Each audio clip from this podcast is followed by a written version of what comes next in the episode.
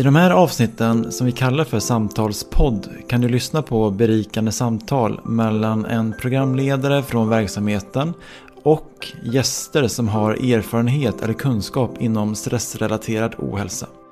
Du är varmt välkommen att återkoppla till gästen eller till oss i Rakt in i väggen efter att du har lyssnat på ett avsnitt.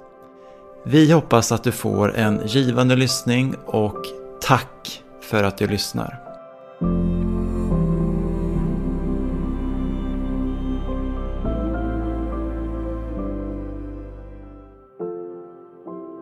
Skriv ner dina varningssignaler.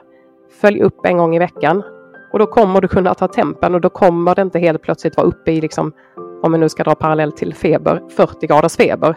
Utan du kommer att se så här, oj, men nu är den ju uppe på 38 här och nu är den uppe på 38,5. Nu får vi kanske liksom bromsa för att det inte ska bli riktigt illa. Så den är en av nycklarna skulle jag säga i, i den här kursen och också en av mina bästa verktyg som jag själv har använt mig av.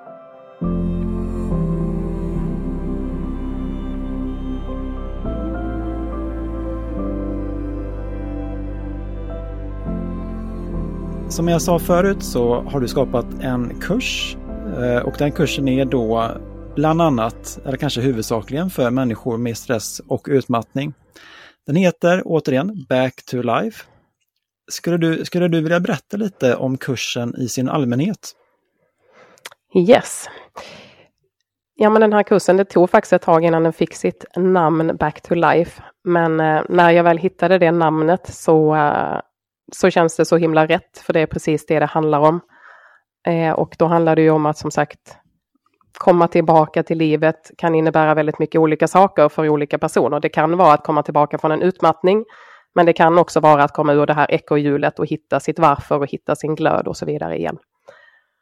Och den eh, korta historien är ju att jag för ganska exakt två år sedan satt och eh, skrev och skrev och skrev på någonting som jag inte riktigt visste vad det skulle bli. Men jag hade bestämt mig för att jag ville samla mina kunskaper, alltså både i form av, alltså från mina båda utmattningar, men också i form av alltså mina utbildningar och så vidare. Och alla de här övningarna, för jag insåg att jag satt på jättemycket övningar som hade hjälpt mig och som hjälpte mina klienter. Och jag satt liksom och skickade de här övningarna gång på gång till olika klienter. Eh, så jag bestämde mig hösten 2021 för att jag skulle samla allt detta på ett och samma ställe. Och det resulterade i den här kursen. Eh, och jag visste som sagt inte exakt vad det skulle bli när jag började, men jag visste bara att det skulle bli någonting som förhoppningsvis kunde hjälpa andra på vägen där. Ja, jag, jag tycker, um, jag, jag, tycker det, mm, jag tycker det är väldigt ja, men fint att du vill samla, eh, samla allt på ett ställe och, och, att du vill dela med dig. Eh, och en sak som jag eh, har gjort då eh, inför det här samtalet, det är att jag har provat din kurs.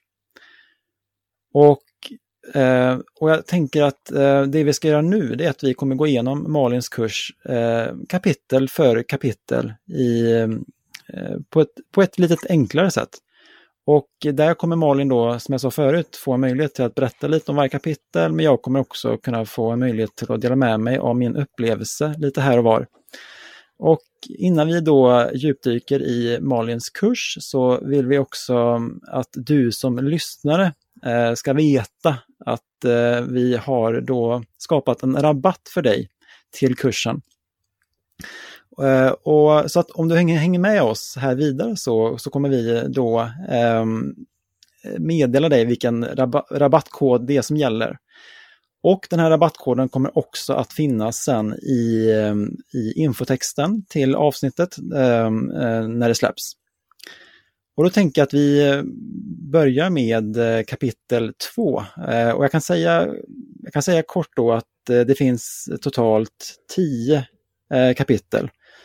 Um, eller elva kapitel till och med, men första kapitlet och elfte kapitlet är ju lite mer intro och outro kan man säga.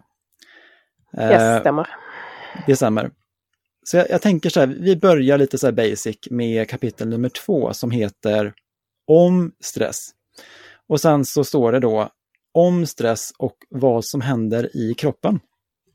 Och då lämnar jag över ordet till Malin så får du berätta lite om det kapitlet. Mm, och nu är ju detta, den här kursen är ju min min bebis så jag ska försöka att hålla mig eh, så här lagom, lagom långt så du får bromsa och stanna in om det blir för mycket där. Men det här första kapitlet det handlar ju väldigt mycket om att landa in alltså definitionen av stress. För att jag tror att du kan fråga en massa olika personer och så skulle man svara på olika sätt vad stress innebär. Men här går vi igenom väldigt mycket om, alltså om stressen är farlig, eh, varför det är så viktigt med återhämtning.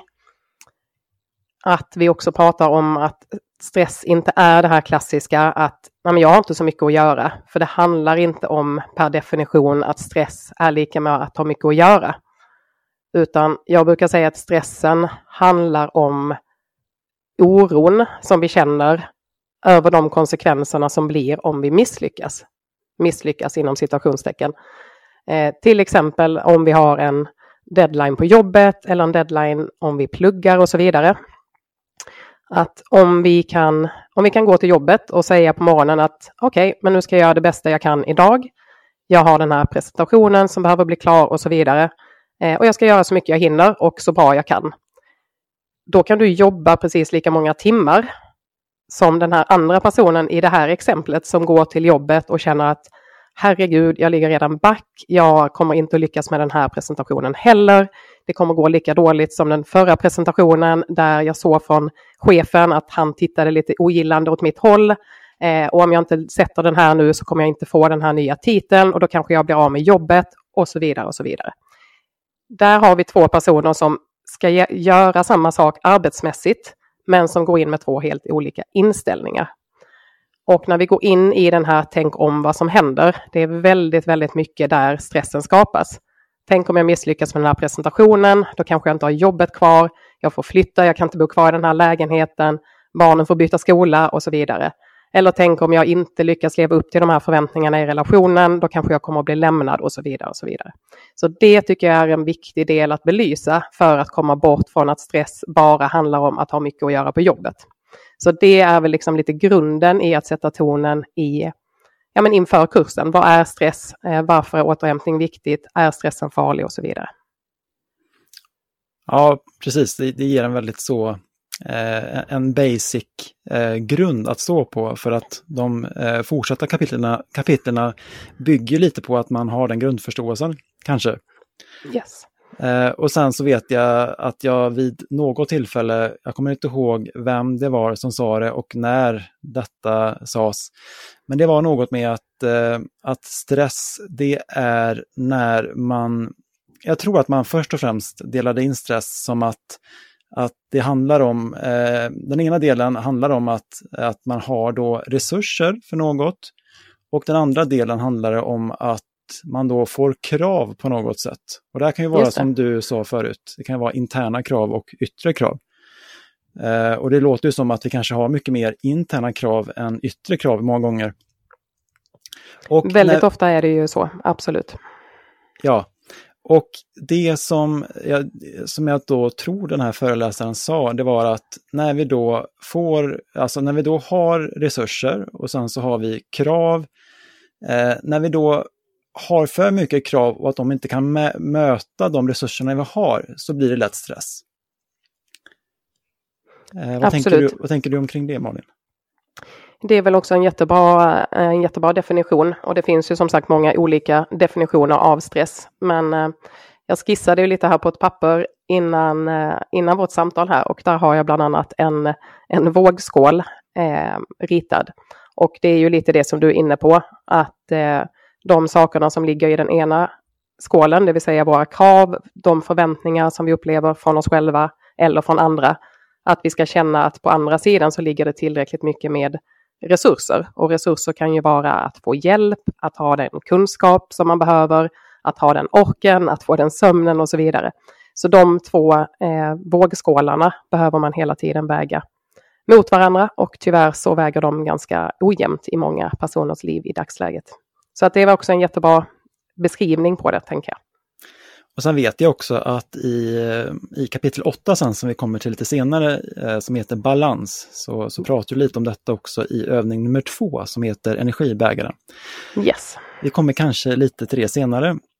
Eh, men om vi går vidare till kapitel nummer tre då, så har du valt att, att äh, välja andning där som, som ett kapitel, eget kapitel i början. Som då sen, eh, som, som underrubrik lyder din, and, din andning, grunden i all stresshantering. Eh, så då tänker jag att du, ja, du får, vad, vad, vad är dina tankar eh, kring kapitel nummer tre där med andning? Ja visst är andning är ett litet lurigt, lite lurigt ord att säga. Eh, särskilt för min del som har varit förkyld här någon vecka och varit lite så här snuvig, då ska man inte försöka säga andning. Men eh, anledningen till att jag valde det som det då första, om man säger fördjupande kapitlet, det är att andningen, vårt andetag, är ett verktyg som vi så ofta glömmer bort. Det är något som vi gör det allra första när vi föds. Det är att vi tar vårt första andetag. Och det är någonting som kommer så väldigt, väldigt självklart och väldigt enkelt. Men där vi i dagens samhälle ofta har glömt bort hur vi andas. Och inte då att vi andas, för det gör vi ju tack och lov med automatik. Men hur vi andas för att faktiskt kunna hjälpa kroppen att bli lugn. Och detta är ett verktyg. Vi kan ju liksom ha en massa olika verktyg och vi kan hitta olika sätt att hjälpa kroppen att bli lugn. Men andningen har du med dig var du än är, vilket innebär att på 30 sekunder som du lär dig de här andningsteknikerna så kan du faktiskt skifta din känsla i kroppen på kanske 30-60 sekunder. Eh, för att när vi andas på rätt sätt, inte för att lägga några prestationer i rätt eller fel, men rätt sätt under förutsättning att man vill bli lugn, så skickar det signaler till vårt parasympatiska system, som är vårt lugna system, att vi kan koppla av. Och det är andningen nyckeln till. Men jag vet också att andningen är och kan vara ganska knepig när man är uppe i varv. För då har vi ofta en ganska ytlig andning. Vi har varit liksom uppe ofta i bröstkorgen, ibland andas vi bara upp i nyckelben och hals och så vidare. Så jag själv hade väldigt svårt att hitta detta när jag var som mest stressad. Och därför så har jag valt att göra en liten kombination i det här kapitlet, vilket jag försöker göra i de flesta, men verkligen i detta där det både är väldigt, väldigt korta övningar som kanske tar 10-15 sekunder till de här lite mer omfattande och mer vägledda andningsövningarna. För att har du inte andats på ett lugnt sätt ner i magen och så vidare på lång tid så är det svårt att hitta och då behöver vi, precis som all träning, du skulle inte slänga dig ut på gymmet och börja med de liksom tyngsta vikterna utan då behöver vi börja i små, små, små övningar eh, som i början är liksom 10-15 sekunder. Så därav så är det första kapitlet andningen, för det är också det som kommer att hjälpa oss sen att gå in i många av de andra delarna i kursen. Ja, och eh, andning, det har jag fått eh, höra ganska mycket om från många personer som, som jobbar med stress och utmattning. Ehm, så det, det känns för mig som, som, eh, som ett ämne som jag nästan blivit så här lite, ja, ah, jag har hört det så mycket du vet, så att, eh, alltså jag förstår att det är viktigt, men ibland så har jag glömt bort det för att jag har, blivit så, jag, jag har hört det så mycket. Mm, mm. Eh, men nu så fick jag en möjlighet till att så här, verkligen prova dina övningar eh, för att se liksom, ja men eh, vad händer om jag, om jag provar övningarna? Och jag har provat dem, jag har provat andningsövningar sedan tidigare, men nu var det ett tag sedan, eh, nu var det ett tag sedan jag gjorde det liksom rent medvetet. Och det jag bara kan säga kort innan jag berättar om min upplevelse eh, från Malins övningar, det är att eh, jag, mm, som många av er vet så, så utmattning, det är ju ingenting som, som man blir frisk från oftast över en dag. Och skulle det vara så att man blir frisk från eh, en dag till den andra så kanske det inte är utmattning man har. Eh, men det som jag märkt är att desto längre man kommer i sin återhämtningsprocess, desto bättre blir min andning har jag märkt. Alltså, för det, det är kopplat till hela kroppens, hela, hela kroppens um, lugn och ro-system. Alltså det, det, känns som att, att, att jag läker liksom det bäst över tid. Men det som jag upptäckte med, med den här övningen, eh, eller de här övningarna eh, med andningen från Malins kurs och som jag även har upplevt när jag gör andningsövningar, det är att man kan få ett ganska snabbt resultat fort. Eh, för att jag har testat de här övningarna och de två övningarna som jag kanske gillade, som jag fastnade mest för, det var ju då att andas i fyrkant och även övningen som heter kraften i, kraften i, i din utandning. Just det. Och jag tänker, eh, Malin berättar väldigt pedagogiskt eh, om eh, hur man gör då i de här videoklippen. Men om jag bara ska förklara då andas i fyrkant kort så, så och här får Malin rätta mig om jag säger fel, det är att man då ska eh, andas just i en fyrkant. Eh, och att man nästan då tar, man tar sig från ett hörn till ett annat hörn, lite så mentalt, när man andas. Eh, och jag tyckte den övningen var bra för att den är så enkel att komma ihåg, för man har inte bara en, en instruktion i, i huvudet, utan man har också en bild som man kan måla upp.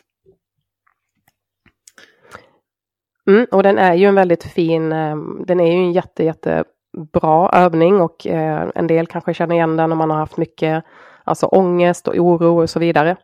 Eh, men jag gillar att du tar upp den för den är, den är väldigt bra och det handlar ju precis som du säger att andas från, från hörn till hörn eh, och att man då räknar så att det är samma tempo, att man till exempel räknar från 1 till 4 eller vad man vill räkna och så gör man det från hörn till hörn. Eh, men jag gillar också att du har tagit upp just de här två för att jag skulle säga att andas i fyrkant är kanske en av de lite svårare övningarna att få till direkt. Men när man får till det så är den verkligen guld värd. Medan den andra, den här som du sa, som jag gärna vill höra dina tankar om, att alltså kraften i vår utandning, det är ju egentligen en av de absolut enklaste. Som då, så det är lite kontrasterna i de här två övningarna också. Ja, för jag, jag upplevde att eh, att den kanske är lite svårare, den här att andas i fyrkant. Men jag har ju varit, eh, jag, har fått, jag har stött på eh, den övningen, eller en liknande övning sedan tidigare, så att jag, jag kunde liksom ganska fort koppla upp mig på den. Sen tycker jag då, om jag bara ska svara lite mer eh, från ehm, om man kanske inte har gjort andningsövningar sedan tidigare, så var kanske kraften, alltså övningen då, kraften i, ditt, i din utandning, den var kanske lite enklare att ta till sig av. Och det som jag gillade med den, det var att, att jag märkte att jag blev väldigt lugn fort när jag gjorde den. Um, och nu kommer inte jag ihåg exakt vad man skulle göra, men det var någonting, någonting med att man skulle liksom ta i lite extra när man andades ut. Just det. Vi kan göra den tillsammans här, för det är ju det är verkligen en sån övning som du kan göra på 5-10 sekunder och det kräver framförallt kräver det inte direkt någon teknik. Och eh, du som lyssnar kan ju testa också här nu om du vill. Och det handlar egentligen om att vi andas in. Jag berättar kort så kan vi göra den tillsammans sen. Att du andas in eh, genom näsan. Och här finns ju massa olika teorier om man ska andas med näsa och mun och så vidare. Det ska vi inte gå in och fördjupa oss på här, det finns i kursen där. Men här andas vi in genom näsan. Och sen på utandningen så är det just att använda kraften i utandningen och verkligen sucka och liksom släppa ut allting, ungefär som att man går ner i ett så varmt bad på ett spa, så att man liksom suckar ut allting. Och precis som du säger Alexander så är den här känslan och den här releasen nästan liksom instant när man gör det här. Så att jag gillar verkligen den övningen. Så att vi kan göra det tillsammans här nu. Att vi tar ett djupt andetag in genom näsan. Och sen släpper ut allt som en stor suck genom munnen. Och gärna skaka lite så på axlar, rulla käkarna om det behövs. Och det är nästan omöjligt att inte komma ner lite, lite grann eh, i varv. Framförallt om du kanske gör den här då två, tre gånger efter varandra. Vad känner du Alexander? Jag satt och jag glömde bort att man skulle andas ut via munnen, men jag testade det nu och eh, jag kände att det var lite skönt att, att göra det nu innan vi gick vidare för att det är lätt att gå upp och bli lite stressad ibland när man ska... när man sitter och pratar? när, när man leder en, ett, ett samtal där och, och, och ska tänka på massa saker det är inte jobbigt så, utan det är kul, men ni fattar. Eh, ja. Så tack Malin för att du gav en liten introduktion till den övningen. Ja, men tack för dina reflektioner och tack för att du valde just de två. Jag tycker att det var, var fina, fina övningar du valde. Ja, vad bra. Nästa kapitel eh, är också ett ämne som är eh, ett ämne som jag tror nästan alla som lyssnar kan på ett eller annat sätt eh, relatera till på olika sätt. Det är sömn. Och då lyder eh, Malins då underrubrik så här.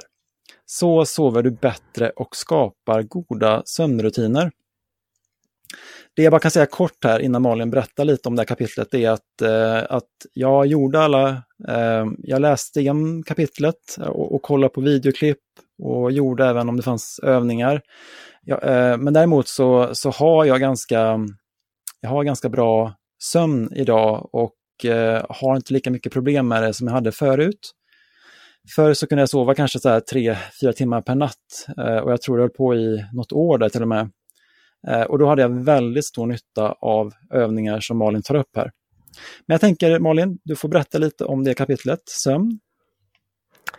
Yes, sömnkapitlet ligger också ganska tidigt för att det är en så pass central del i vår återhämtning.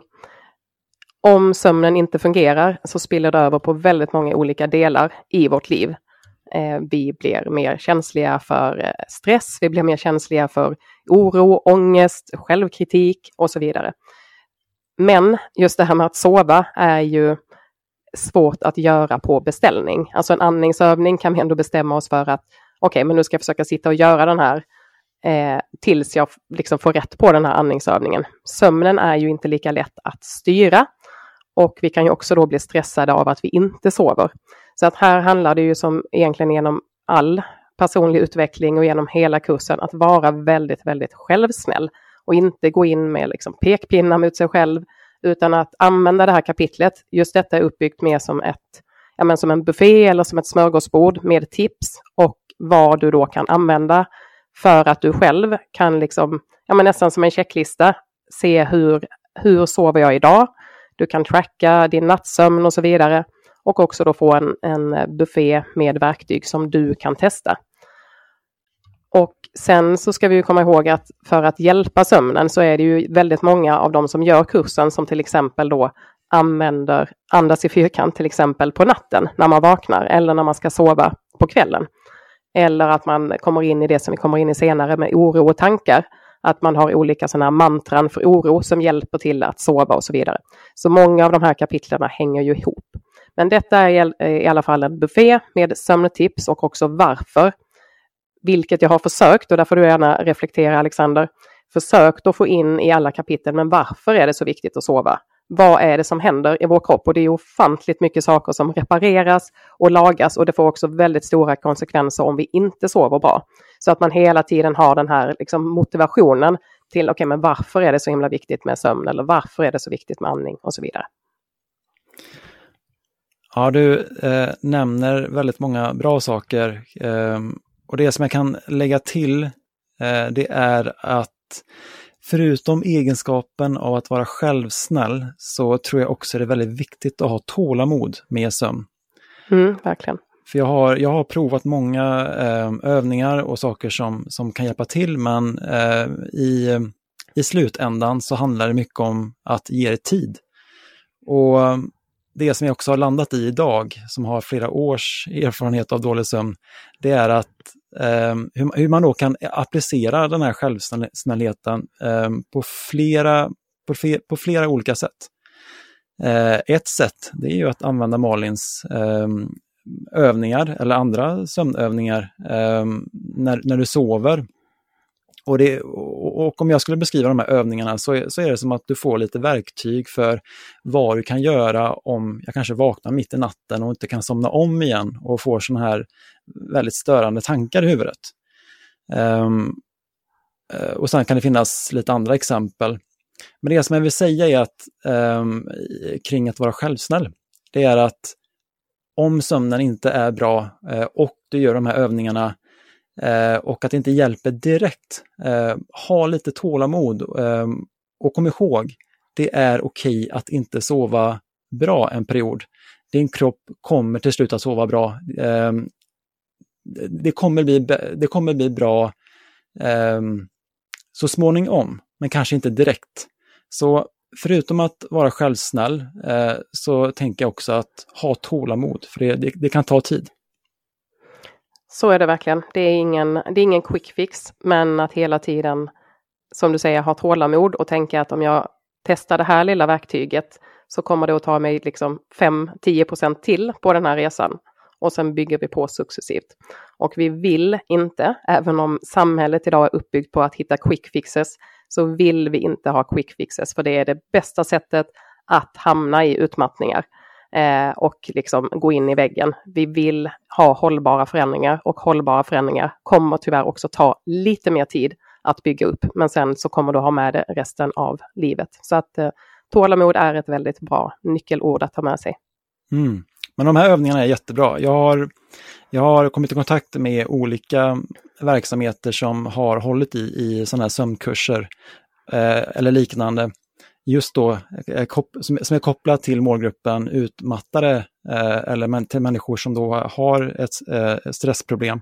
Och jag tycker verkligen att Malin har samlat ihop de viktigaste och bästa övningarna i, i, i det här kapitlet. Och det säger jag inte bara för att Malin har varit med i vår verksamhet, utan det tycker jag verkligen. Då går vi vidare till nästa kapitel och eh, här, kommer vi, här kommer vi också till någonting som är väldigt centralt eh, hos människor eh, som, som har den här problematiken med, med stress och utmattning. Och det är självkänsla.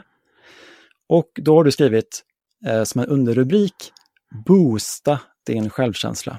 Och så finns det då tre övningar tror jag. Vad, vilka, vilka tankar har du kring självkänsla? Ja, alltså vi skulle kunna ha ett helt eget kapitel om självkänsla, men min, min första tanke som jag också vill lyfta upp till dig som kanske sitter och lyssnar och eventuellt tänker som jag hade tänkt för sex, sju år sedan, att vad har självkänsla med stress att göra? Eh, för så tänkte jag i alla fall för många år sedan.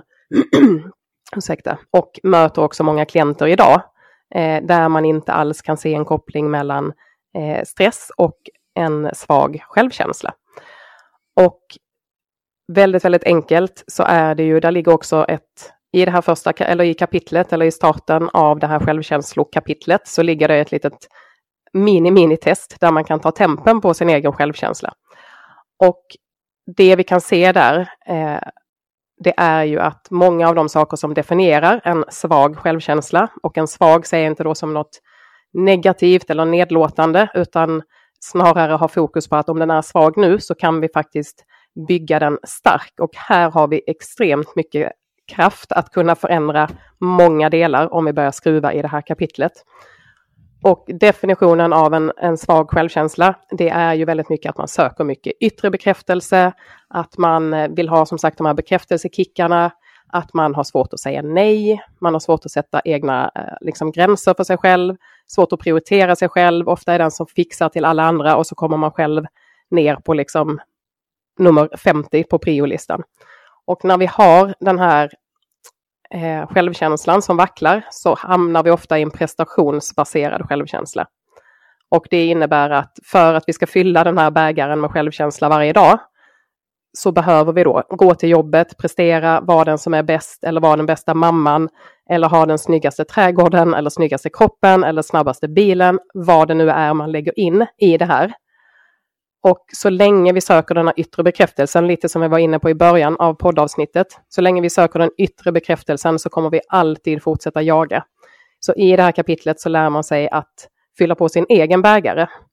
Och ett konkret exempel, jag fick en fråga i en föreläsning som jag höll här för inte så länge sedan, där en tjej frågade mig så sa hon att men, men om du står i den här föreläsningen och den här föreläsningen inte skulle gå bra idag, tycker inte du att det är jobbigt då eller får du liksom inga självkritiska tankar då?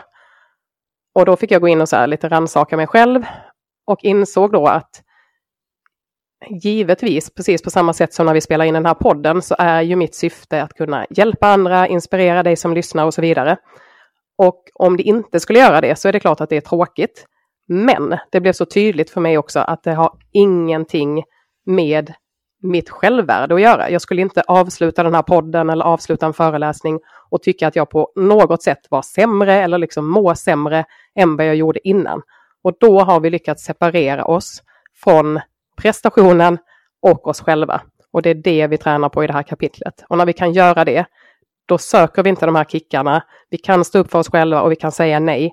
Och det är en enorm snöbollseffekt. Så detta är ett så fint eh, kapitel och ett eh, kapitel som påverkar jätte, jättemånga delar. Ja, det som... Vad tänker du Alexander?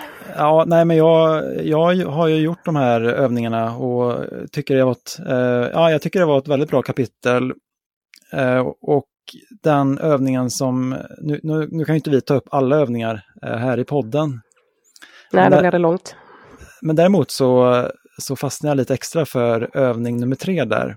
Eh, och den övningen har jag, jag minns att jag även pratade om den övningen när, jag, när vi hade med Giorgio Grosse där. Men då gjorde jag aldrig den rent praktiskt, så jag är glad att jag fick den möjligheten nu med Malins kurs här. Och då, den, övningen, den övningen heter då Din egen 80-årsfest.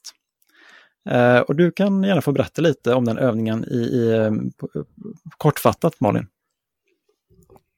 Mm. Övningen Din egen 80-årsfest eller ditt eget 80-årsfirande, för en del vill ju inte ha ett fest, en fest. Men det handlar ju om syftet med den övningen, det är att skifta mindset, för ofta när vi springer på och när allting rullar på för snabbt så är vi väldigt mycket här och nu, fast inte här och nu på ett positivt sätt, utan väldigt mycket det här tunnelseendet i att vi ska lösa det, vi ska fixa det och så vidare. Genom att zooma ut och sätta oss själv, beroende på hur långt fram i tiden nu vår, vårt 80-årsfirande ligger, att zooma ut och tänka att du själv sitter där, du är 80 år, vad, hur vill du fira? Vill du bli firad? Men om vi tänker att man ändå vill bli firad och vill ha personer runt omkring sig. Vilka ser du är där? Vilka vill du ha eh, omkring dig? Vilka, var är du någonstans? Men framförallt kanske, vad är samtalen? Om det hålls födelsedagstal, om du pratar och återger ditt liv, vad är det du kommer återge då? Och det du vill återge, är det, speglar det det livet som du lever idag? Detta är en övning som jättemånga drar sig för att göra, eh, för att den faktiskt kan vara lite tuff, men den är också enormt viktig. Och det är samma sak, vad vill du att de som sitter runt omkring ska säga? Eh, är det som det hade varit för mig för tio år sedan att ja, men Malin hon är, hon är grym, hon är den som kommer först på morgonen och hon är sist på kvällen och hon är bäst på att göra budgetar och hon är bäst på att dra in projekt och så vidare. Hade det varit det som jag vill att mina barn och eventuella barnbarn eller vad det nu är sitter och berättar? Eller är det en helt annan story i form av att, ja, ni förstår. Och genom att zooma ut så kan vi också se att om det är dit jag vill nå när jag är då, säg 80 år, hur långt ifrån ligger det idag? Och hur kan jag agera i det lilla idag för att navigera i den riktningen? Så det blir lite av en ny autopilot, en ny riktning för att ta dig dit du vill vara. Och här handlar det jättemycket om det vi pratade om också i början, som du var inne på Alexander, att gå från det här med att vara omedveten till att bli medveten. Jag vet inte vad som väcktes i dig när du gjorde den här övningen. Jag, jag sitter och skrattar lite för mig själv. Okej, okay. är det igenkänning då? Nej, jag tycker övningen var, det var som du sa förut, att det här kanske inte är den övningen som är på den enklaste nivån, utan där tycker jag att övning 1 och övning 2 var lite enklare. Mm, Men däremot så kände jag att jag blev väldigt berörd av den här övningen med din egen 80-årsfest. För på något sätt så blev saker eh, väldigt tydliga kring vad som egentligen är viktigt och hur mycket jag lever efter vad som är viktigt för mig just här och nu. Och eh, någonting som jag insett i mitt liv det är att jag eh, eh, har, att jag lägger väldigt mycket energi på arbete och jag tycker det är kul med arbete så att jag vill fortsätta lägga tid på arbete. Men jag vill skapa också energi eh, och utrymme för andra saker. Och en sak som jag då kunde se väldigt tydligt här, det var att jag kanske inte har gett relationer som jag, som jag mm, fortfarande har kvar eh, så mycket tid och energi som jag har velat och att jag kanske vill omprioritera lite framöver. Och det blev väldigt tydligt tack vare den här övningen. Det som jag skrattade åt lite, det var, jag vet att du Malin i, i den andra podden när du delar din utmattningsresa eh, sa att du fick någon utmärkelse av eh, årets slitvarg eller något liknande. Mm, just det. Yes. Och då satt jag här och började skratta för mig själv för då tänkte jag att när du har din 80-årsfest där så, så står det då livets slitvarg. Ja, just det. på en tavla så på väggen bara, det här ska människor komma ihåg mig för. Exakt, ja usch vad hemskt det hade varit. Jag tror att jag har den, jag fick ju den eh, utmärkelsen på mitt, ja, ett av mina första jobb.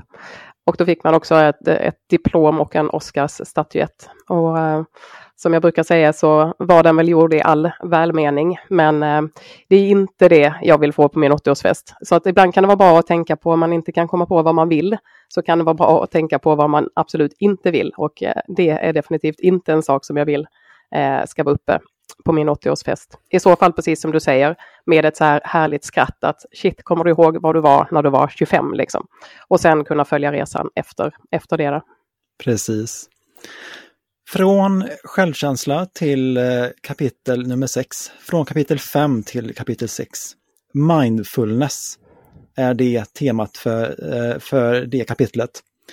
Skapa mindfulness och pauser i din vardag. Och, och återigen så finns det lite fler övningar även till det här kapitlet. Så vad har du för tankar kring mindfulness, Malin?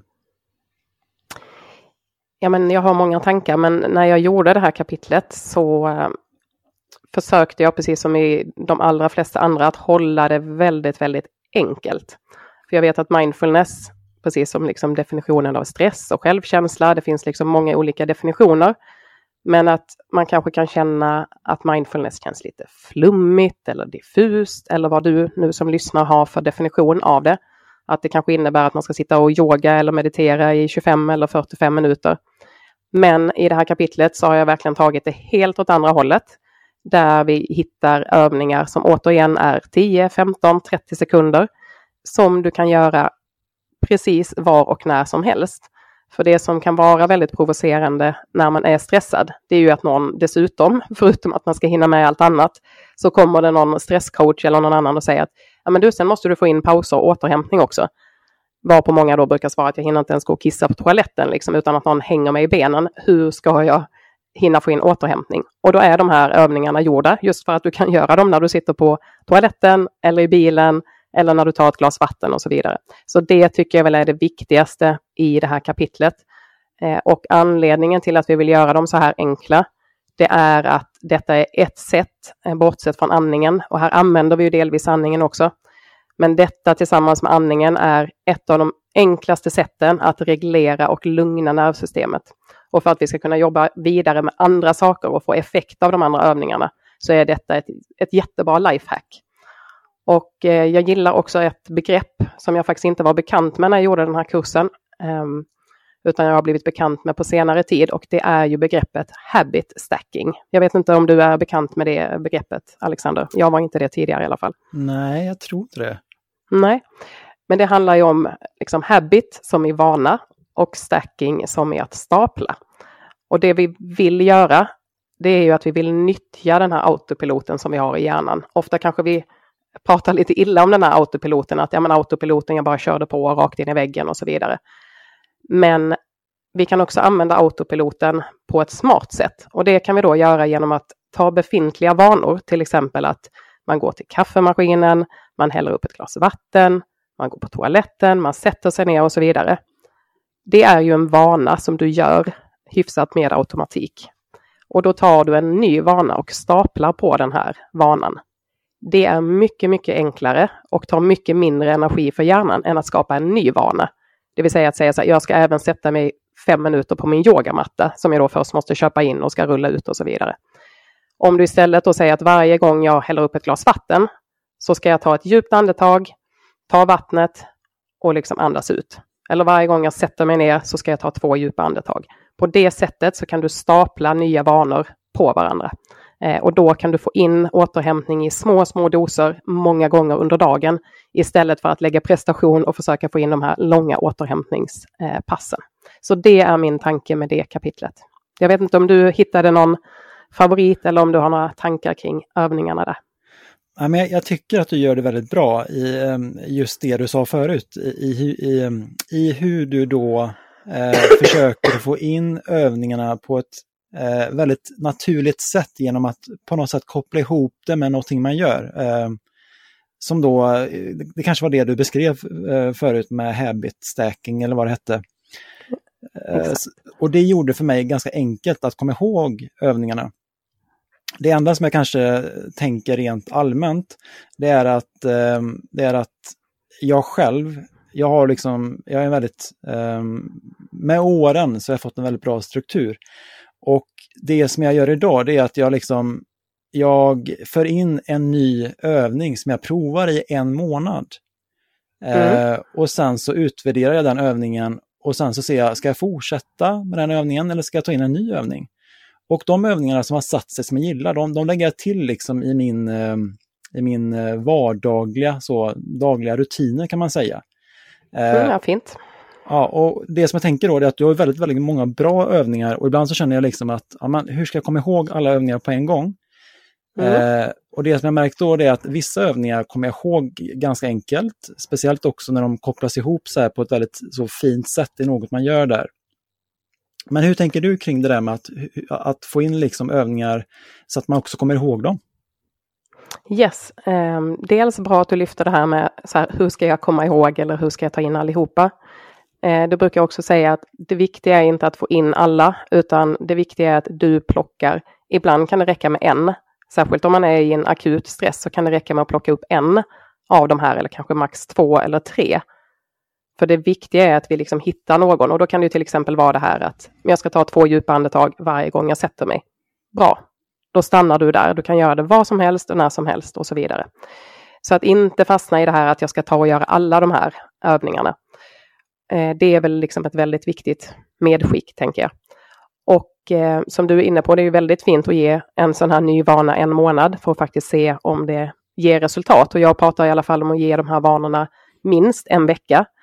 Och då kan det vara en sån sak som du kan testa som lyssnar här idag. Att testa en sak under den närmaste veckan som du gör mer medvetet. Smaka på kaffet, eh, känn på vattnet när du tvättar händerna, eh, var medveten när du tar på dig strumporna på morgonen, borsta tänderna är en klassiker. Välj en sån aktivitet som du gör mer närvarande Använder dina sinnen, känna, lukta, smaka och så vidare. Det pratar vi också om mycket i kapitlet, att när vi använder våra sinnen, det vill säga kroppen, så tar vi bort fokus från hjärnan, där vi har det här chattret hela tiden. Men att välja en eller två övningar som är så pass enkla, till exempel ta två djupa andetag eh, varje gång du sätter dig ner och sen välj en daglig rutin, till exempel tvätta händerna mer medvetet. Sen är du liksom så långt på vägen, framför allt om du just nu är inne i en extremt stressig period, så kommer det här göra jättestor skillnad.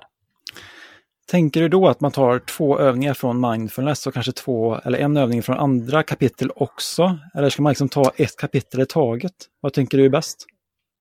Eh, ja, men bra fråga. Jag skulle säga att det beror jättemycket på, lite som vi pratade om de här kategorierna i början. Alltså, har du gått in i väggen? Vill du bromsa innan väggen? Eller är du mer så här, ja men nu vill jag skapa ett bättre liv, jag vill komma ur ekorrhjulet. Det är ganska olika, men om man jobbar med mig alltså i coaching också, vilket ju en hel del gör som har kursen, långt ifrån alla, för att kursen är ju helt 100% självgående, som jag tror att du upplevde också när du gjorde den. Men om man jobbar med mig coaching, då går jag ofta in och pinpointar och sätter ihop ett träningsprogram utifrån kursen. Kursen innehåller ju, vi har inte riktigt pratat om strukturen i, i kursen, men alla kapitel innehåller ju först en en video där jag ger kort liksom, introduktion om kapitlet och vad man ska förvänta sig och så vidare. Vilka övningar som finns med och sen ligger det ju ofta ungefär tre övningar per kapitel. Men också en kort textintroduktion. Eh, och allting har jag försökt att hålla ganska enkelt för en, en ganska trött eh, hjärna. Men då plockar jag av de här totalt 25 övningarna, då sätter jag ihop ett träningsupplägg kan man säga, typ som en PT fast för vårt inre med kanske fyra övningar per vecka som min klient då får jobba med. Så det kanske är liksom ganska lagom. Då kan det vara till exempel vad har jag varit eh, extra tacksam för den här veckan? Eh, hur har jag gett mig själv återhämtning? Eh, hur har mina varningssignaler varit som vi kommer in på sen? Och vad har tagit och gett energi?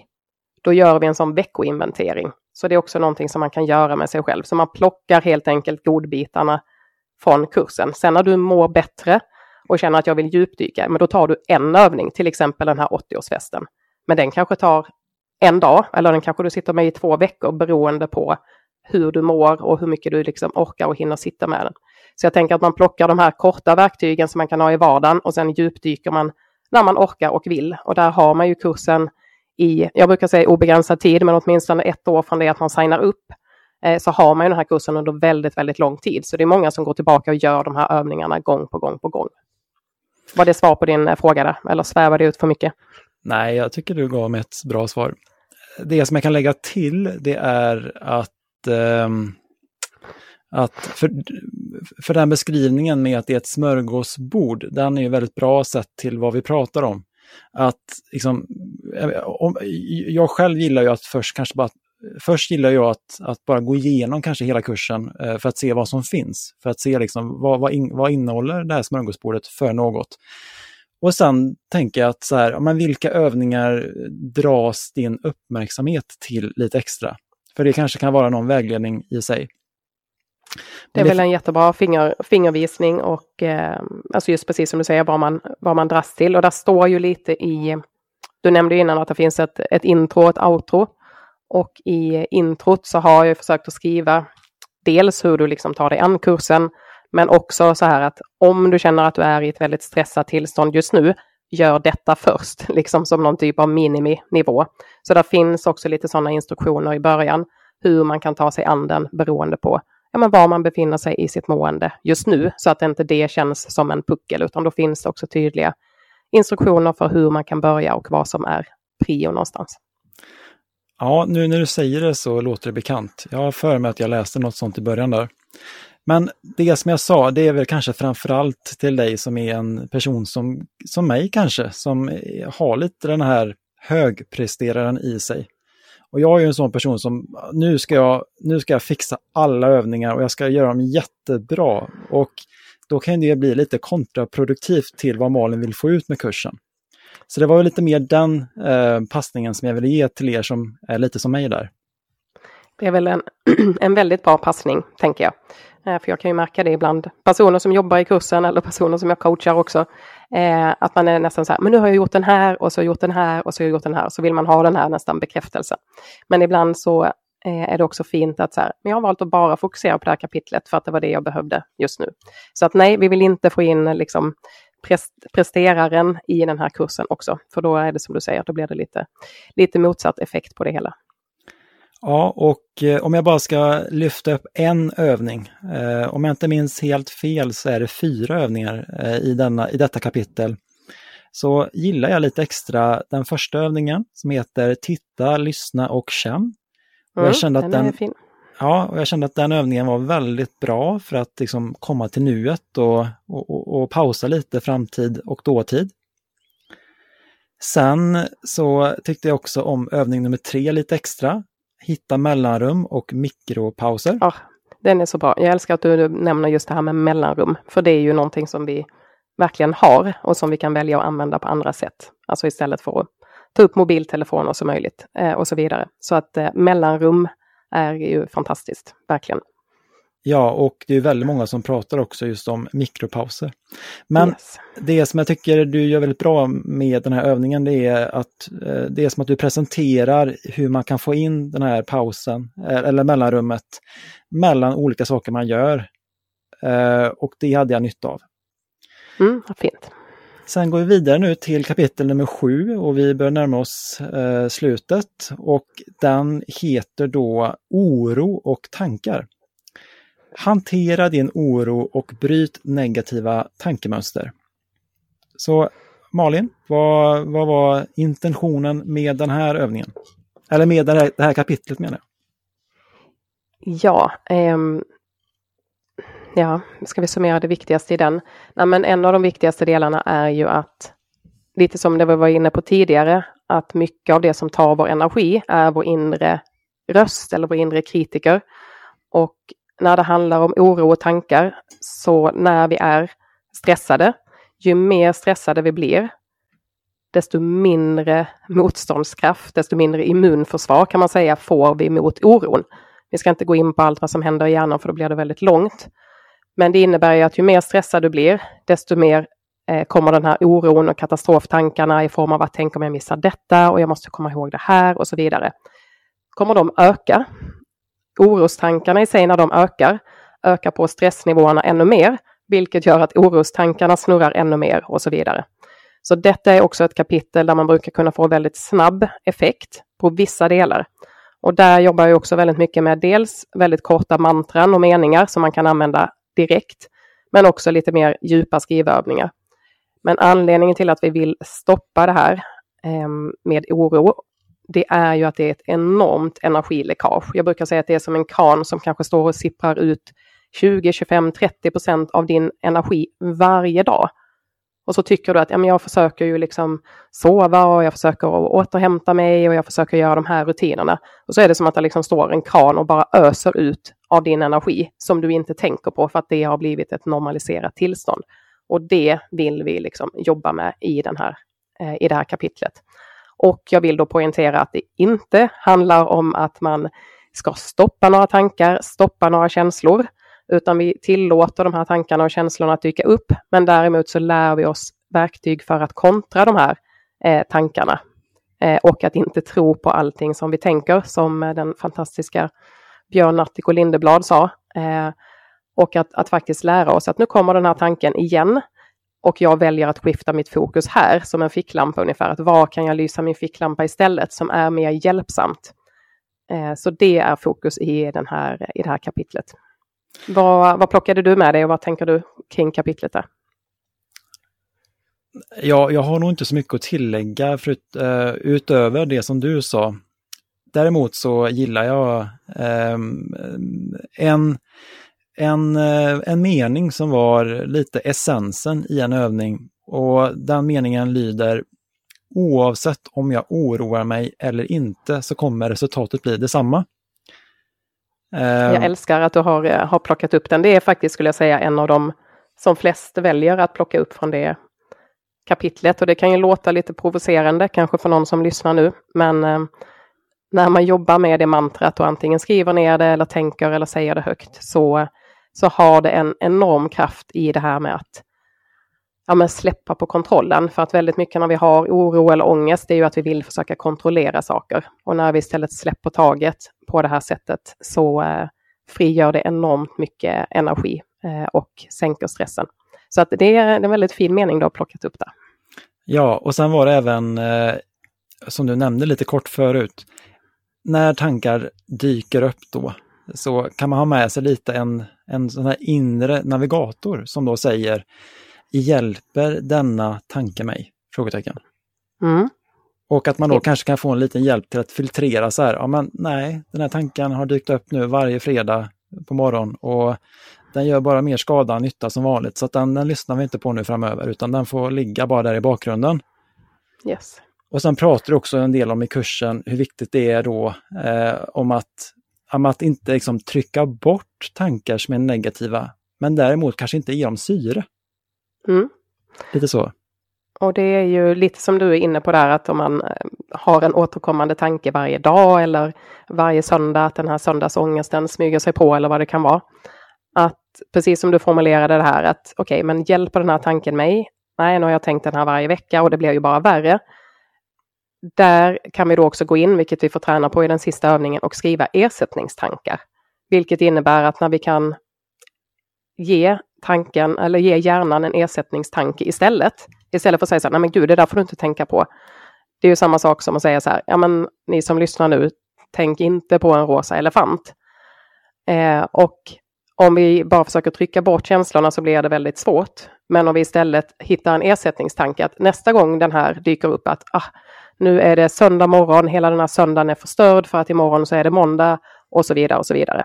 Om du då har en ersättningstanke som du kan skriva eller tänka till dig själv direkt så blir det mycket lättare för hjärnan att nappa på den än att det liksom är tomt eller att du bara ska försöka pressa bort den.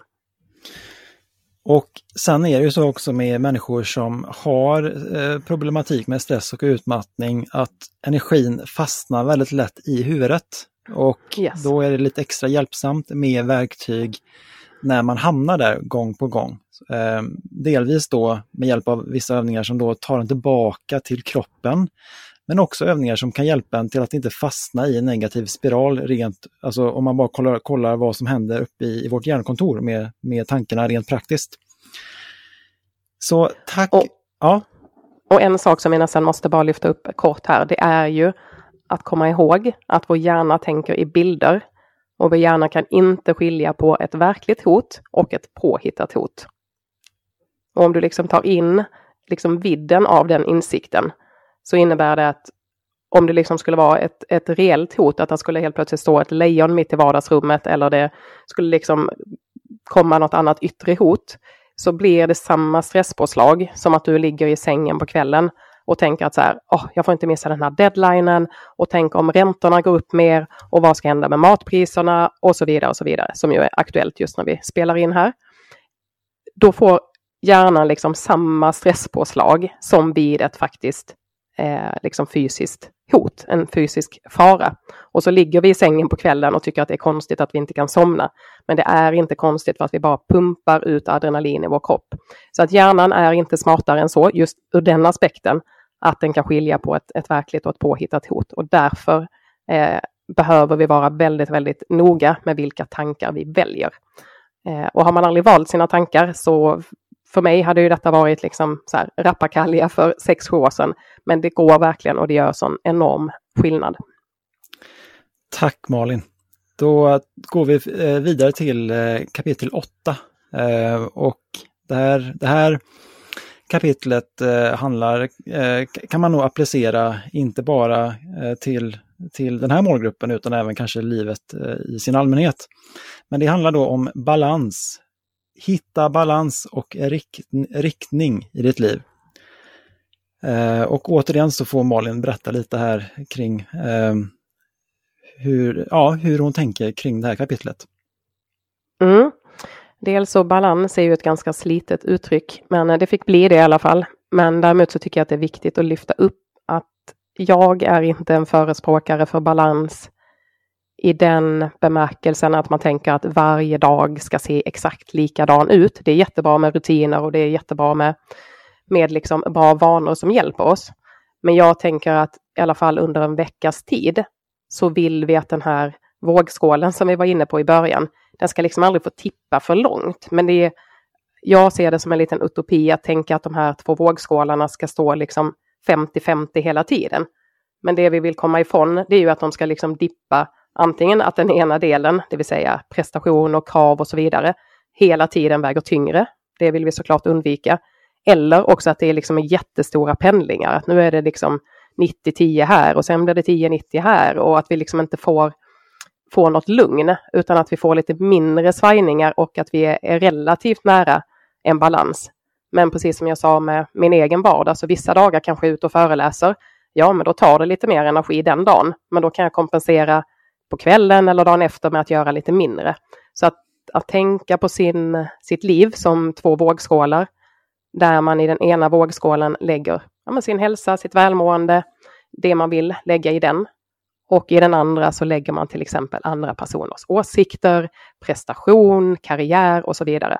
Och när man börjar se det på det sättet så blir det också lite lättare att så här, men det är inte rimligt att vad min kund tycker eller vad de här personerna tycker ska få vara viktigare än min hälsa, mitt välmående, att jag ska kunna vara närvarande, att jag ska ha ett härligt liv och så vidare. Så att här kommer vi in lite på den vågskålen som du eh, nämnde så fint i början också, Alexander. Precis, och eh, i övning nummer två eh, som då heter Energibägaren så får ni en möjlighet till att eh, skriva ner då, eh, alltså i punktform, eh, vilka saker som i dagsläget tar energi och vilka saker som i dagsläget ger energi. Och det som jag upplevde väldigt fort, det var ju att min lista för vad som tog energi var ju lättare att eh, fylla på än listan kring vad som ger energi. Om man, hade, om man hade jämfört vad jag skrev idag jämfört med kanske för två, tre år sedan eller ännu längre tillbaka i tiden så kanske, jag, så kanske jag bara hade haft en sak på vad som ger energi, eller två saker. Nu hade jag kanske ändå tre, fyra, fem saker. Så jag har ju kommit en bit på min resa.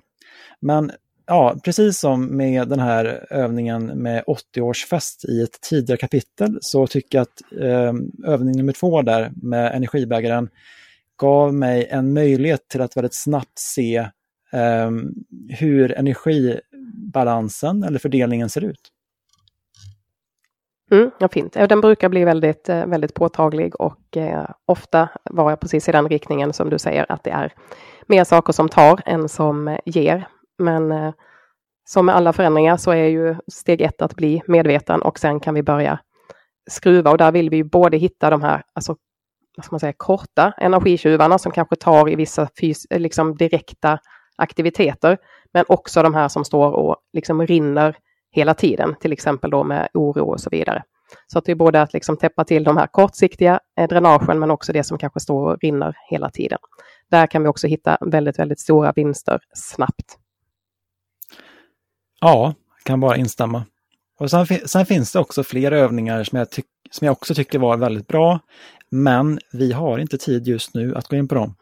Nej, vi får spara dem helt enkelt. Just det, och då tar vi oss vidare till näst sista kapitlet och det heter då stresssignaler. Jobba förebyggande och lär känna dina stresssignaler. Malin? Yes, och jag tänker att visst hade vi en, eh, en lyssnarfråga som tangerade lite där, för då kanske jag kan svara och baka in det, tänker jag, i, i det här också. Det stämmer. Vi har en lyssnarfråga från en, eh, en kvinna som heter Lisbeth och hon eh, undrar då, eller hennes fråga är då, vilken är din, alltså Malin, viktigaste lärdom från dina utmattningar? Malin har ju då kraschat eller gått in i väggen två gånger. Eh, vad är nyckeln för att inte få återfall? Undrar då Lisbeth. Yes, eh, och även detta skulle kunna vara ett helt eget eh, avsnitt, men jag ska försöka hålla den kort. Och en av de här nycklarna som också var den stora skillnaden från min första utmattning till den andra utmattningen, det var ju att jag då började jobba med att förstå mina beteende, mina mönster, alltså vad som var bakomliggande och också jobbade både i KBT och med coacher. Men att jag också hittade verktyg för att kunna börja coacha mig själv. För det är ju min ambition med alla klienter oavsett om det är coaching eller kurs, att man på sikt ska kunna eh, inte behöva mig utan ha de verktygen som man behöver själv. Och i det här kapitlet så eh, finns det egentligen bara en övning eh, och den handlar om att lära känna dina stresssignaler. Väldigt kort så handlar det om att ta tempen på sin stress. Och att identifiera, du kanske sitter och lyssnar idag och vet precis vilka dina stresssignaler är.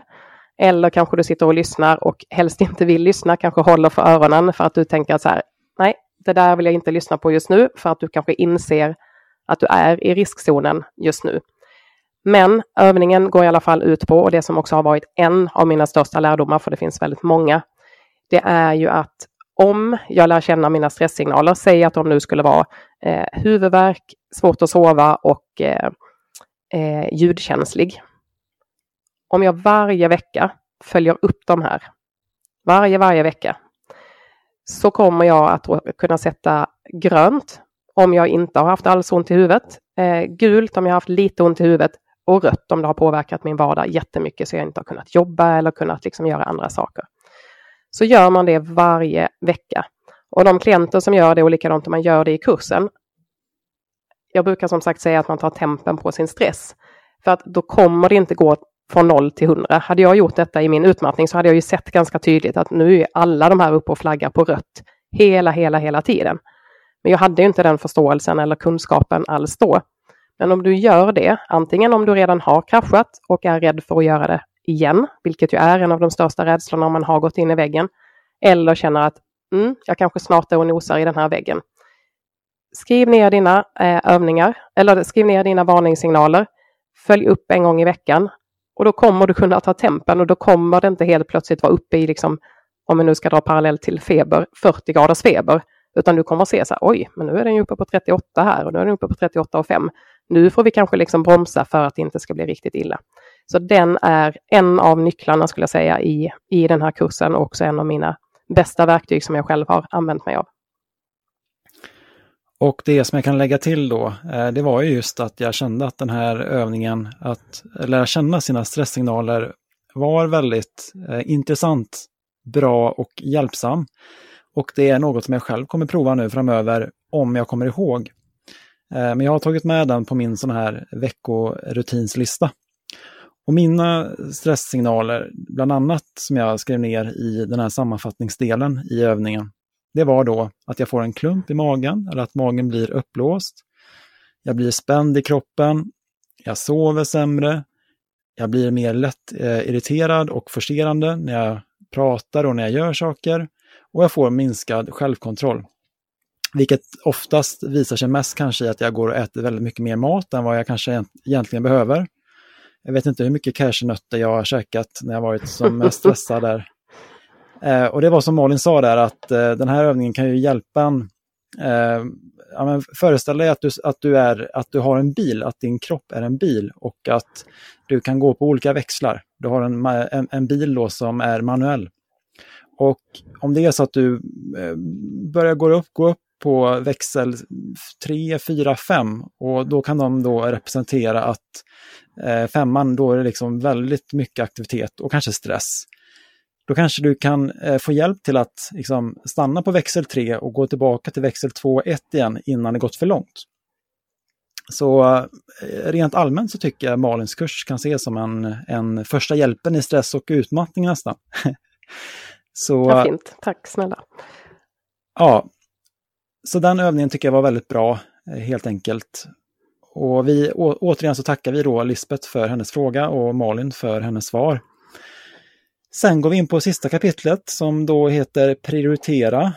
Ehm, eh, och med, ehm, eh, med underrubriken då Prioritera, hitta struktur och bli mer produktiv. Så vad kan vi säga här? Och innan jag säger, innan Malin får ordet så fick jag se här att vi har en sista lyssnarfråga från eh, Madeleine. Madeleine, eh, Madeleine säger då Just nu är det kaos i huvudet. Kan inte sålla och vet inte vart jag ska börja. Har Malin något tips? Och då tyckte jag Malin att den frågan passade väldigt bra ihop med sista kapitlet här. Så ordet över till dig Malin. Yes, och Eh, det här med att prioritera och också att prioritera bort. För det är ofta det som är jobbigt. Vi vill göra allt. Eh, vi vill prestera på alla plan, vi vill inte välja bort någonting.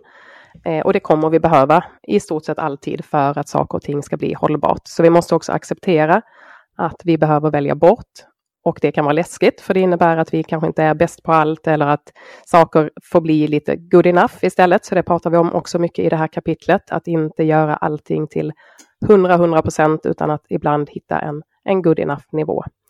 Detta påminner också lite om sömnkapitlet, det vill säga en buffé med olika övningar där jag delar med mig av mina eh, bästa tips som har hjälpt mig och som har hjälpt andra. Och där är också väldigt mycket saker som du kan använda här och nu genom att prioritera så tycker jag om man ska dra en liknelse så är det ju att gå från den här ibland stressen som blir väldigt handlingsförlamande, som också nämns i den här eh, lyssnarfrågan. Att man känner att det blir overload, man vet inte var man ska börja och så vidare.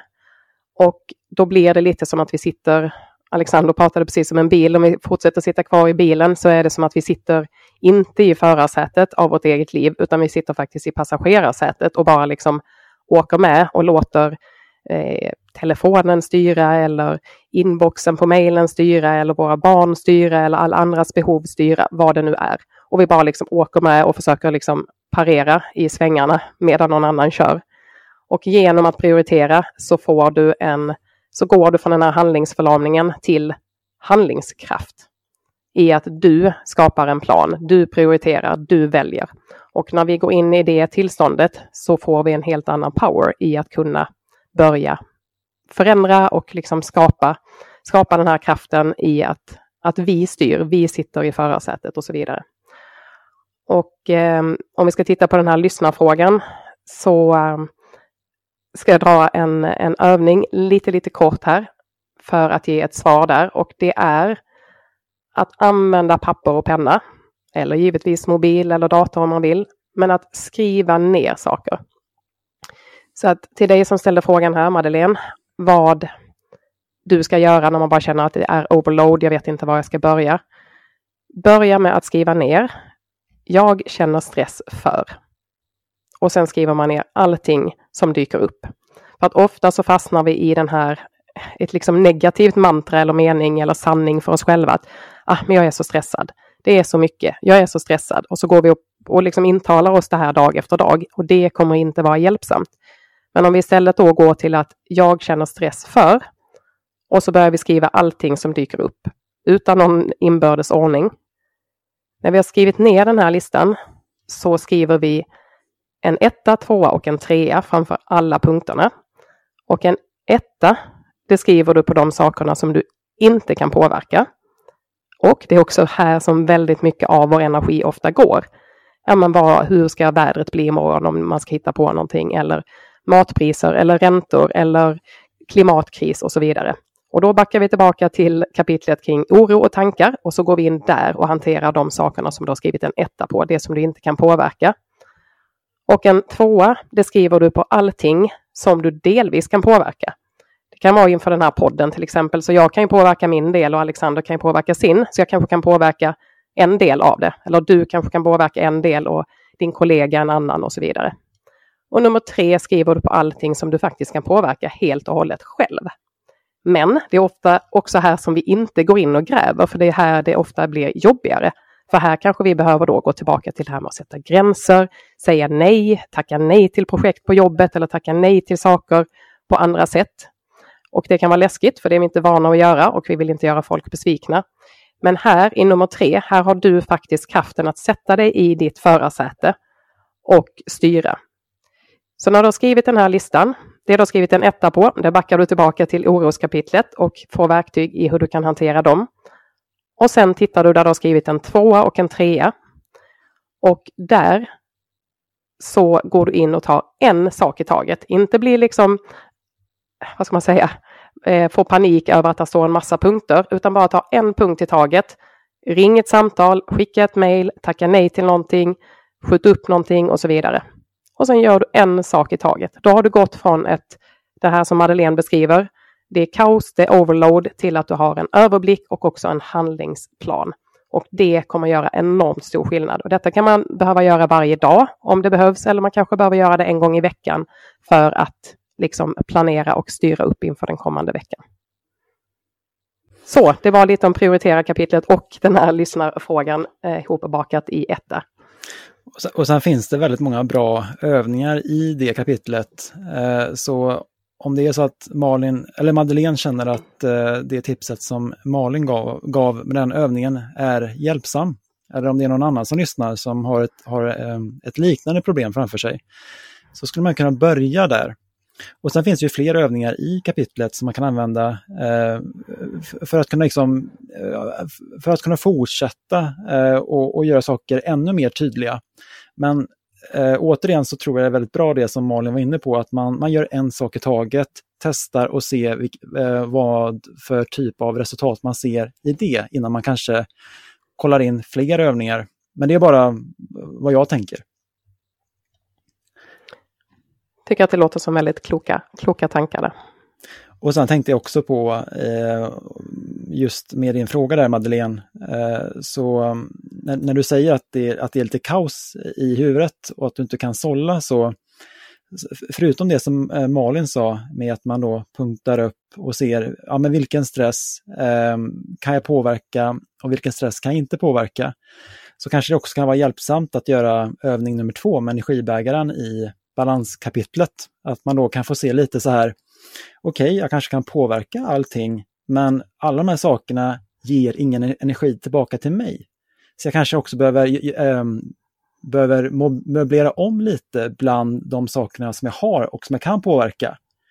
Eh, så att många av de här övningarna eh, kan vara en fortsättning eh, och man kan, de kan också, man kan också använda dem tillsammans, eh, upplever jag. Mm, jätteklok input, verkligen så är det helt klart.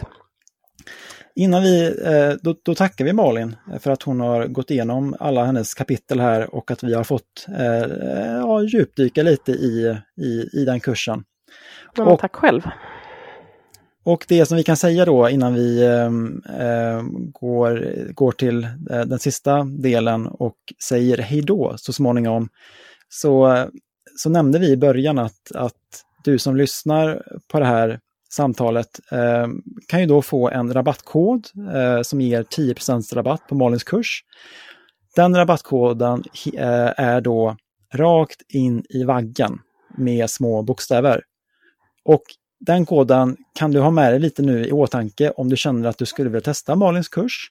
Men den kommer också finnas då i info eller beskrivningstexten eh, kopplat till poddavsnittet. Så du hittar det även där. Om man vill komma i kontakt med dig för mer info om din coaching, kurs, föreläsning eller något annat, eh, hur gör man det då, Malin? Yes, jag hänger ju allra mest skulle jag säga på Instagram och där heter jag Malin understreck Gunnang understreck stresscoach. Jag tänker att vi skriver det här också så slipper vi bokstavera mitt efternamn där. Eh, om man hänger på LinkedIn så finns jag där också. Där heter jag Malin Gunnäng kort och gott. Och eh, det är väl de snabbaste sätten att komma i kontakt med mig. Toppen. Då kommer vi till frågelådor och det, det, här är då frågor som Malin då inte har fått i förväg. Så att det här är lite den här överraskningsdelen av samtalet som jag gillar väldigt mycket. Mm, får du surprisa här lite. Ja, det, det jag kan säga om frågelådor kortfattat det är att vi har då tre olika typer av eh, frågelådor, alltså underkategorier. Vi har lättsamma frågor, vi har djupa frågor och vi har djupare frågor som är då svårighetsgrad nummer tre av tre. Så här kommer du få välja Malin, tre frågor totalt. Antingen en fråga från varje eh, frågelåda i ett kombinerat paket. Eller så får du tre frågor från ett och samma eh, paket. Ja, men kör ett kombinerat, jag tyckte det lät spännande. Får vi se vad du har att skjuta ut där. Då börjar vi med lättsamma frågor. Då får du välja en siffra mellan 1 till 10. 3. Vad är det busigaste du har gjort? Oj, det busigaste jag har gjort. Det, var ju, det var inte en så lätt fråga. Jag kanske inte är tillräckligt busig, uppenbarligen. Nej, men det kanske inte är liksom busigt som i så här sko skoj och hopp och lek på det sättet. Men, men kanske det om man får översätta det till det galnaste eh, som många reagerade på. Det var ju när jag sa upp mig eh, 2017 från ett väldigt välbetalt jobb. När jag hade jobbat mig upp till alla de här delarna med titlar och lön och allting. Att jag eh, var så pass busig eller galen att jag faktiskt sa upp mig utan att ha någonting annat att gå till. För jag var så övertygad om att det fanns någonting annat. Så jag tror det får bli då någon typ av galet busigt i det. Du har aldrig, du, du har, du har aldrig eh, snattat godis eh, när, du, när du gick i sjuan, åttan, nian någon gång där? Nej, alltså jag har ju, jag, nej, jag var ju en sån ordentlig tjej redan där alltså. Ja, vilken tur att jag... Trå, tråk, tråkigt men sant. Vilken tur att det inte var jag som fick den frågan. Eh, Men det finns eh, garanterat andra busiga grejer som dock inte poppar upp i hjärnan. Så jag tror jag är inte inne i den delen av hjärnan här precis just nu. Nej, okej, okay, vad bra. Men tack för det svaret. Då tar vi djupa frågor, svårighetsgrad 2 av 3. Där får du välja en siffra mellan 1 till 14. 11. Om du kunde bo någon annanstans i världen, vart hade det varit? Frågetecken. Oh, det här var mycket enklare. Jag hade bott på ett ställe där det är så mycket varmare. Eh, jag hade bott eh, det, det, spelar inte så stor roll exakt vilket land, men jag hade bott i ett, eh, ett land där det är varmt, där det är mycket långa stränder, mycket palmer, ganska lugnt och en, en varm och härlig temperatur och bad och surf och yoga och meditation och så vidare. Och, mm, så det var en väldigt enkel fråga.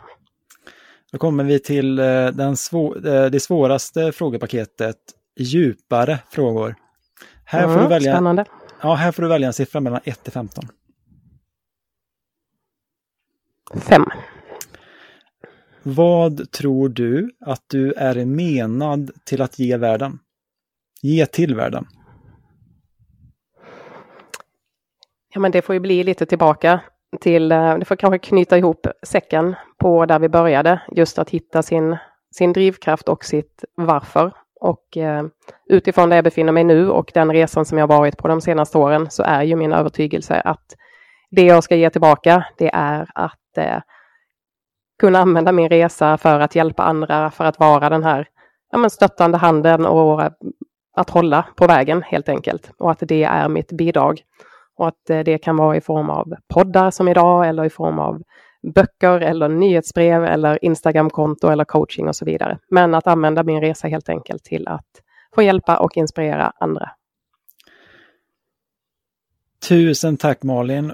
Eh, och då är vi strax färdiga. Det som jag eh, rent informationsmässigt kan säga till dig som lyssnar innan vi säger hej då på riktigt, det är att två veckor efter den här samtalspodden så kommer vi då att släppa Malins första podd hos oss.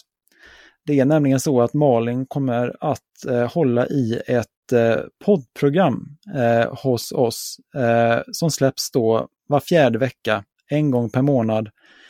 Eh, och som gör att vi då går från att släppa tre poddar per månad till att släppa fy, fyra poddar per månad, det vill säga en podd varje vecka på onsdagar. Och den podden, eh, det poddprogrammet kommer vi då att kalla för Stresscoachen. Namnet kanske ändras, vi får se. Och första avsnittet släpps då, som jag sa förut, eh, två veckor efter det här avsnittet, det vill säga 13 december, 1-3 där. Ehm, och det som jag då eh, kan, ehm, det som jag då kan fråga, fråga Malin här, det är, eh, och det är för de som lyssnar på, på vår podd. Vad kan man förvänta sig från ditt poddprogram Stresscoachen framöver? Undrar jag, vi. Ja, men vad underbart. Till att börja med så eh, har ju det här med att ha en egen podd. Jag har ju gästat ganska mycket poddar och jag har haft förmånen att som sagt få vara med i mycket av samarbetet tillsammans med dig Alexander och Jennifer. Men att ha en egen podd har ju varit något som jag har längtat efter eh, väldigt länge och eh, någonstans väntat på den eh, perfekta tajmingen i det. Och det känns det verkligen att få göra detta tillsammans med er. Och vi får väl se exakt vad det landar in i. Jag ska ju faktiskt spela in det här, mitt första egna poddavsnitt efter det här. Men det som är min ambition med den här podden, det är ju lite som jag tangerat innan här, så vissa delar blir repetition. Men att min önskan är att vara den person som jag hade behövt för sex sju år sedan. Jag vet ju själv poddar som jag har lyssnat på om och om, och om igen, som har varit helt liksom, avgörande för att ta mig ur de här olika jobbiga liksom, situationerna som jag har varit i. Och att nu kunna få vara det för någon annan. Jag får ofta höra, vilket jag tycker är något av det finaste som man kan få höra, eh, till skillnad från det här med presterande och så vidare, att många som följer mig eller som jag coachar ofta upplever att jag är mänsklig och relaterbar, att man kan relatera. Och det är väl en av mina största förhoppningar, att med den här podden kunna vara relaterbar, att vara någon att hålla i handen på vägen. Med en igenkänning, en förståelse i att inte känna att man är ensam där man befinner sig just nu. Ibland kanske att jag ger en liten kärleksfull puff i rätt riktning på vägen för den som vill det. Och att som i allting som jag gör dela med mig av mitt för att kunna hjälpa, men samtidigt fylla på din verktygslåda med övningar och med tips och att få finnas med i din vardag. Det är min ambition och önskan med den här nya podden. Ja, och jag tycker eh, rent personligen att det ska bli väldigt spännande att se vart det här tar vägen. Och jag känner också att det här poddprogrammet eh, kompletterar våra andra poddprogram väldigt bra. Så att Malin kommer på något sätt då vara en del av eh, vår podcastkanal samtidigt som att hon är egen. Det blir en, ett samarbete på något sätt där. Ja, eh, med det sagt så tänker jag att vi avrundar, eh, inte bara avrundar utan vi avslutar det här samtalet. Det blev betydligt längre än vad jag trodde att det skulle bli men det fanns någon tanke i bakgrunden som sa att det kanske kunde bli så här.